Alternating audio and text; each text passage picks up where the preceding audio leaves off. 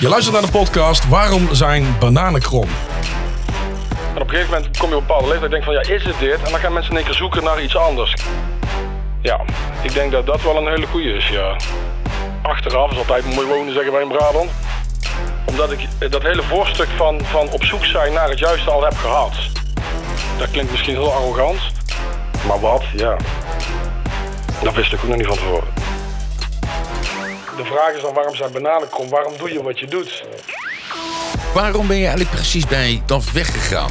Je had daar een, een, een steady iets. Je kon makkelijk je appartementje betalen. Je kon, eh, als je wilde, waarschijnlijk ook nog met je baas wel overleggen van... hé, hey, ik wilde toch wel een paar keer in de week eh, toch nog kunnen VJ'en. En had je dus een combinatie van een steady inkomen...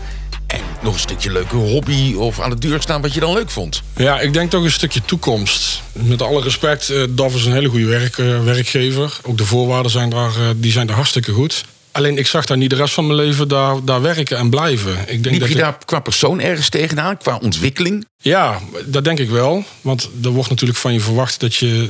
Er wordt iets gevraagd om iets te maken en iets te doen. En dan doe je dat ook. En daar liep ik een beetje in vast, omdat ik nog zoekende was van wat, wat wil ik nou gaan doen. Dat horecawerk vond ik leuk met mensen. Dat vond ik steeds leuker om met mensen te werken, met mensen bezig te zijn. Ja, ik zag mij daar niet de rest van mijn leven eh, werken. Nee, nee, absoluut niet. En tijdens die zoektocht eh, heb, heb je wat gesprekken hier en daar. Wat, het leger, wat ik al vertelde. Dan ga je solliciteren in het leger.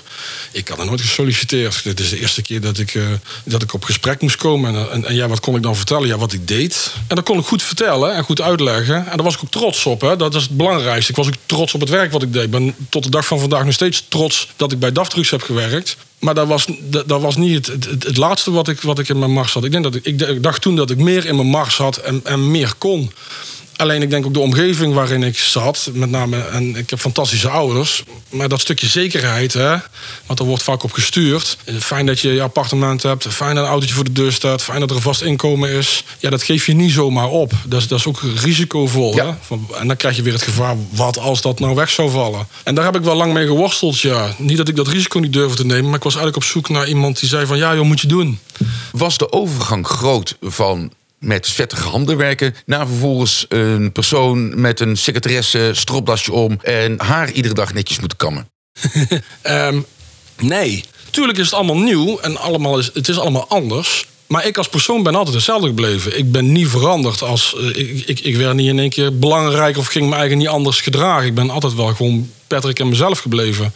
Alleen ik wilde mijn creativiteit en hetgene wat ik leuk vond om te doen... dat wil je ook in je werk terug, terugvinden en, en zoeken. Dat- Daar moet je plezier in hebben. En ik merkte dat ik bij Daftrux wat minder plezier kreeg. Want het was een beetje een soort van sleur. Het leek wel een saaie relatie, laat ik het dan maar zo voorzichtig zeggen. En ik was toch op zoek naar iets waar ik wat meer mijn creativiteit in kwijt kon. En ehm, Misschien ook verbaal, hè? Jij bent, zoals je al zelf een paar keer hebt aangegeven... jij praat heel graag en Ja, praat, dat deed je niet. praat heel makkelijk. ja, bij Daftrux moest je je mond dicht houden. Dan moest je je mond dicht houden. Dus daar, daar werd je in beperkt. En je bent dus waarschijnlijk op zoek gegaan ook naar iets... waar, waar je dat meer kon gaan ontwikkelen. Ja, ik denk dat dat wel een hele goede is, ja. Daar was ik zeker naar op zoek. En ik denk dat ik dat toen met die nieuwe baan ook heb gevonden. Want ik, mocht toen, ik moest eigenlijk praten. hè. Het was, eh, als ik En wat ging je verkopen? Als ik stil was, dan was het niet goed. Ehm, ik, ik verkocht eh, ICT-oplossingen. Ja, laptops, computers, printers. Alles wat met ICT-dienstverlening te maken had. Ik ben uit de tijd van eh, dat je een laptop kocht met, eh, of een computer met een, met een Microsoft-licentie. hè, Dat je dan Word en Excel en PowerPoint en Outlook. Dan, dan kocht je een licentie daarvoor. Je had een server op, op kantoor staan. We verkochten een server. En daar zaten dan ook weer licenties bij. Eh, een backup, dat ging nog met tapejes. Moest je vroeger een cassettebandje in de server stoppen. En dan nam je dat tapeje mee naar huis toe of leg je in de kluis. Dat is lang geleden, ja. Dat is eigenlijk de tijd dat ik in de ICT ben gestapt, ja. En ehm, Met modems die heel veel lawaai maakten en zo. ja, ja. Ja, en toen was security nog niet zo... Ja, was belangrijk, maar nog niet zo belangrijk als het nu, eh, nu in deze tijd is. Ehm, maar ik had, een, ik, ik had een goed contract. Ik had een, eh, ik had een fijn kantoor. Eh, ik had leuke collega's. Ik had een goed salaris, zal ik ook niet ontkennen. Ik had een leuke bonusregeling. Ehm, Alles ging dus eigenlijk voor de wind. ja, zou je denken. Ja, maar. Ik voel hem maar aankomen. Ja, kijk, in de verkoop is het natuurlijk zo, eh, of, of ik weet niet of het, of het zo is, maar de, de goeie hebben natuurlijk een baan en de slechte die zijn werkzoekende, dat zeg ik dan wel eens. eh, en dat bedoel ik niet verkeerd. Maar mijn baas zag in mij denk ik ook wel een, een, een goede verkoper. En die heeft mij toen een, eh, wel een soort van aanbod gedaan dat ik een aandeel in het bedrijf zou krijgen. Oké, en dat ja. vond ik heel interessant. Ja. En natuurlijk wil je goede, goede mensen aan je binden. Ook in deze tijd zou ik zeker doen. Heb je goed personeel, heb je goede mensen, dan probeer ze aan je te binden. Ehm, en zo werd er toch al enkele jaren mij een soort van worst voorgehouden dat ik een aandeel in het bedrijf zou krijgen. De vraag was alleen in wat voor vorm en, en, en wat het percentage was en hoe dat dan zich gaat uitkeren en nou ja, bla bla bla, heel verhaal. En als eh, ja, vertegenwoordiger of als accountmanager met mijn achtergrond, hè, wat ik dus had, en dan, dan, na, na een paar jaar kreeg je dan dit voorstel te horen tijdens je functioneringsgesprek. Ja, daar was ik wel heel trots op. Ja, tuurlijk. Ik denk, wauw man, ik word een onderdeel van, van het bedrijf. Vond je het ook belangrijk naar de buitenwereld toe? Naar je vrienden toe? Naar kennissen die Ja. al zoiets hadden van... luisteren, C, eh, kijk eens nou toch, hè? Jullie dachten dat ik zo was, maar kijk eens nu. Ja, dat stukje erkenning was ik ook heel erg naar op zoek. En ehm, natuurlijk ook bij mijn ouders. Want ik al zei, ik heb schatten van ouders. Ik heb echt een hele goede jeugd gehad en ik ben niks tekort gekomen. Maar ja, de, de, de kans dat je zou vallen, hè, dat het misgaat omdat je niet bent opgeleid, althans niet voor hetgene wat je doet en ook niet de achtergrond hebt. Ja, en in één keer ben je accountmanager in de, accountmanager in de ICT. Ja, dat is wel raar. En, eh, en ook die erkenning naar mijn vrienden van, hé, hey, kijk eens, ik, ik krijg misschien een aandeel in, in het bedrijf. Of misschien, daar werd dan over gesproken. Maar dat aandeel is eigenlijk nooit gekomen. En ik, ehm, ik snap achteraf, dat moet ik ook dan eerlijk bekennen, ik snap als ondernemer kom je wel eens voor keuzes te staan en, en, en ja, daar ben je wel eens veranderlijk en dat kan, dat klopt. Dat is zo. Tot dit jaar loopt het zus en, en volgend jaar kan het zomaar anders zijn. Alleen, ik ben wel van een man een man, een woord een woord. Als jij iets belooft, je moet zeggen wat je denkt, maar je moet ook doen wat je zegt. En als jij je afspraken maakt, dan moet je ze ook nakomen. En daar kan een keer een jaar wachten en dat geduld had ik. Maar het tweede jaar eh, wordt het toch wel een beetje discutabel van... hé, jij belooft mij het ene, maar er komt niks. Ja. En we hebben helaas eh, zijn wij uit elkaar gegaan met... eh, ja, wel vervelend. We zijn op een vervelende manier uit elkaar gegaan. Was niet leuk. Was dat puur alleen zakelijk? Of had je toen ook nog misschien dat je persoonlijk ergens tegenaan liep? Dat, dat zou natuurlijk ook nog kunnen zijn, hè, wat meespeelt voor, voor de baas. Hè? Ik, niet dat ik het goed probeer te praten, want je zegt dat je vervelend uit elkaar kan zijn, maar Ja. dat, dat kan natuurlijk meerdere dingen zijn. Ja, ik merk dat, eh, dat de afgelopen tien jaar maak je veel dingen mee. Ehm, en leuke dingen blijven je bij, maar ook de minder leuke dingen word je nog wel eens aan herinnerd. Eh, en zeker als wij zo met elkaar in gesprek zijn. Maar wat me toen met name is bij is gebleven, is dat eh, mijn vader is, is heel ziek geworden op een gegeven moment. ja. Eh, zo ziek dat we hem met spoed hebben op moeten laten nemen. Hij lag heel slecht. We hebben hem toen in een coma moeten brengen. Dat vergeet ik nooit meer. Dat was een heftig moment. Mijn moeder Ja. vroeg ook van, eh, wat, wat gaan we doen? Ja, hij moet gaan slapen, hij moet gaan rusten. En naar de IC. En eh, daar heeft hij ongeveer een maandje of twee gelegen. Ja, in, eh, wel in levensgevaar, net na zijn pensioen. Het, het was één groot drama. Het was echt een grote kutzooi, laat ik het zo maar netjes zeggen. Maar wat...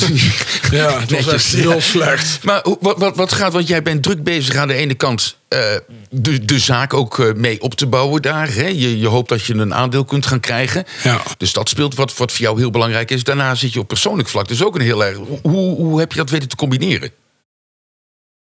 Nou, dat ging, op zich ging dat wel goed. En ook de tijd dat ik nog een beetje in de horeca actief was. Maar met name toen mijn vader slecht lag... ehm, werd er gezegd van ga voor je familie zorgen. Want mijn moeder die, eh, die was een soort van... Ja, logisch. Ik zeg niet dat ze de uitvoort aan het voorbereiden was... maar die zag zich wel als weduwe op de bank zitten. Mijn zus eh, die, die vond het verschrikkelijk. Dus ja, dan moet iemand opstaan in de familie en, en, en voor het gezin gaan zorgen. Ik heb in die tijd ook bij mijn moeder in bed geslapen... om, om erbij te zijn. Het was, was echt heel triest. Echt heel intens veel verdriet. Krijg je in één keer een hele andere rol als zoon ook. Ja, dan verander je Als ook als mens. Dat is heel raar. Eh, ik weet nog goed dat we in het ziekenhuis waren en dat toen, de, toen de, de, de, de arts of de chirurg, ik weet niet met wie ik toen sprak, maar hij zegt: Weet je wat je moet doen? Is je moet een dagboek bij gaan houden. Ga iedere dag opschrijven wat je meemaakt, wat je ziet eh, en hoe dat jij het ervaart, zodat je vader het later eens terug kan lezen. Want we blijven wel positief. Hè? We Ja. gaan er wel vanuit dat hij toch weer, eh, dat hij weer bijkomt en terugkomt. Maar goed, in de tijd met mijn werk ben ik dus naar huis gestuurd om voor, om voor het gezin eh, mee te gaan zorgen. En eh, ik denk dat het een goede maand heeft geduurd. Ik heb voor, voor mijn afleiding nog een paar klanten bezorgd en gesproken. Want altijd maar in het ziekenhuis is ook niet fijn, is ook niet leuk. Nog een paar leuke deals binnengehaald. Ehm, en dan komt er een moment dat het beter met je, met je vader gaat, gelukkig. En eh, tot de dag van vandaag, eh, hij is er nog steeds. En dan ga je weer aan het werk. En ehm, toen moest ik even op het matje komen, plat gezegd. En eh, Oké, toen ja. werd me verteld dat eh, ja, de tijd dat ik afwezig ben geweest... eh, dat heeft eigenlijk bijna al mijn vrije dagen gekost. Ik was Mag dat? Ja, nu in deze tijd zou ik zeggen nee. Ik, ik vind, nou ja, mag dat? Ja, dat is een goede vraag. Ik, ik, ik, ja, weet ik niet. Kijk, ik was niet ziek. Ik heb voor mijn gezin gezorgd op advies van, van de baas. En ik had me ziek kunnen melden. Ehm, daar was ik helemaal niet bij. Ik ben veel te eerlijk, denk ik dan. Ik heb me niet ziek gemeld. Nee, alleen er werd mij gezegd: ga voor je familie zorgen, want, want dat is nodig. En dan neem ik even brutaal aan dat ik dan ziek word gemeld. Ja, en ehm, ik schrok ervan toen ik terugkwam en dan toch nog een paar leuke deals binnen had gehaald. Dat, dat al mijn vrije dagen afgenomen waren. Wat deed dat met jou? boos om. Ja, heel boos. Ja, ik kon hem wel, eh, ik kon hem wel iets aandoen. Ja, en dat vergeef ik hem eigenlijk tot de dag van vandaag nog steeds niet, nee. Nee, daar zit nog wel een stukje woede in. Aan de ene kant ben je, we begonnen de, de, de aflevering met... eh, ik ben hem nog steeds dankbaar voor, voor de Ja. mogelijkheid. En- Maar Ja. tegelijkertijd ben je ook nog steeds heel erg boos om. Of teleurgesteld. Wat, wat is een beter woord? Eh, ja, misschien dan als teleurgesteld beter wordt. Ja. Kijk, sorry was wel een keer fijn om te horen. Van dat hadden we zo niet moeten doen. Of ik had jou van tevoren moeten eh, vertellen dat. Of weet ik veel. Ehm, ik, ik, daar had ik, niet, ik had hem niet aan zien komen. Wat heb je ervan geleerd, daar nou op terugkijkend? Wat ik ervan heb geleerd. Ehm, nou, ik denk, eh, laat ik het voornamelijk positief houden. Ik, ik denk dat je natuurlijk als werknemer eh, in een bepaalde wedstrijd zit. Hè, eh, met je werk en met privé. Maar als ondernemer heb je natuurlijk ook, want ik ben inmiddels ook tien jaar ondernemer. Als ondernemer moet je ook soms keuzes maken. En ja, zie daar maar eens de goede balans in te vinden tussen werkgever en werknemer. En dat is best lastig. Wat ik zelf heb geleerd is, ja, blijf praten, blijf communiceren. Blijf vertellen wat er aan de hand is, wat er speelt. En stel je kwetsbaar op. Ehm, ik denk als je uitleg geeft wat er aan de hand is... dat mensen daar beter begrip voor hebben... als dat je niks laat weten en mensen in het ongewisse laat. Had je ook iets anders gedaan? Op een andere manier? Nou, terugkijkend? Nee. Want hoe ben je weggegaan? nee. Ja, met ontslag. Ben je ontslagen of... Nee, ik heb ontslag ingediend. Ja, ook heel stom, want dan werd ook gezegd... Achter, achteraf is altijd mooi wonen, zeggen wij in Brabant... maar achteraf wordt er dan wel gezegd... jezus, wat heb je gedaan? En, en, en wat als je nou... Ja, maar op dat moment... Als, want ik, ben ook, ik heb ook een gevoelige kant, zeker wel. En, en ook een principekant. En op dat moment vond ik mijn gevoel, mijn principes... veel belangrijker dan ja, de realiteit van... ja, wat als je salaris volgende maand... eh, of, of natuurlijk had wat spaargeld, maar...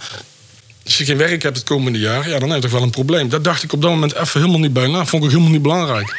Ik vond op dat moment het principe dat, dat er onrecht werd aangedaan. Ik vond dat onrecht. Vond ik belangrijk om te zeggen van dan stop ik ermee. Ja, dan is het klaar. Wil je nou meer weten van dit onderwerp? Dan kun je me altijd bellen of benaderen via info.dkm Solutions. Of zoek me op LinkedIn Patrick Hendricks. Leuk dat je geluisterd hebt. Dankjewel. Tot de volgende keer. Houdoe.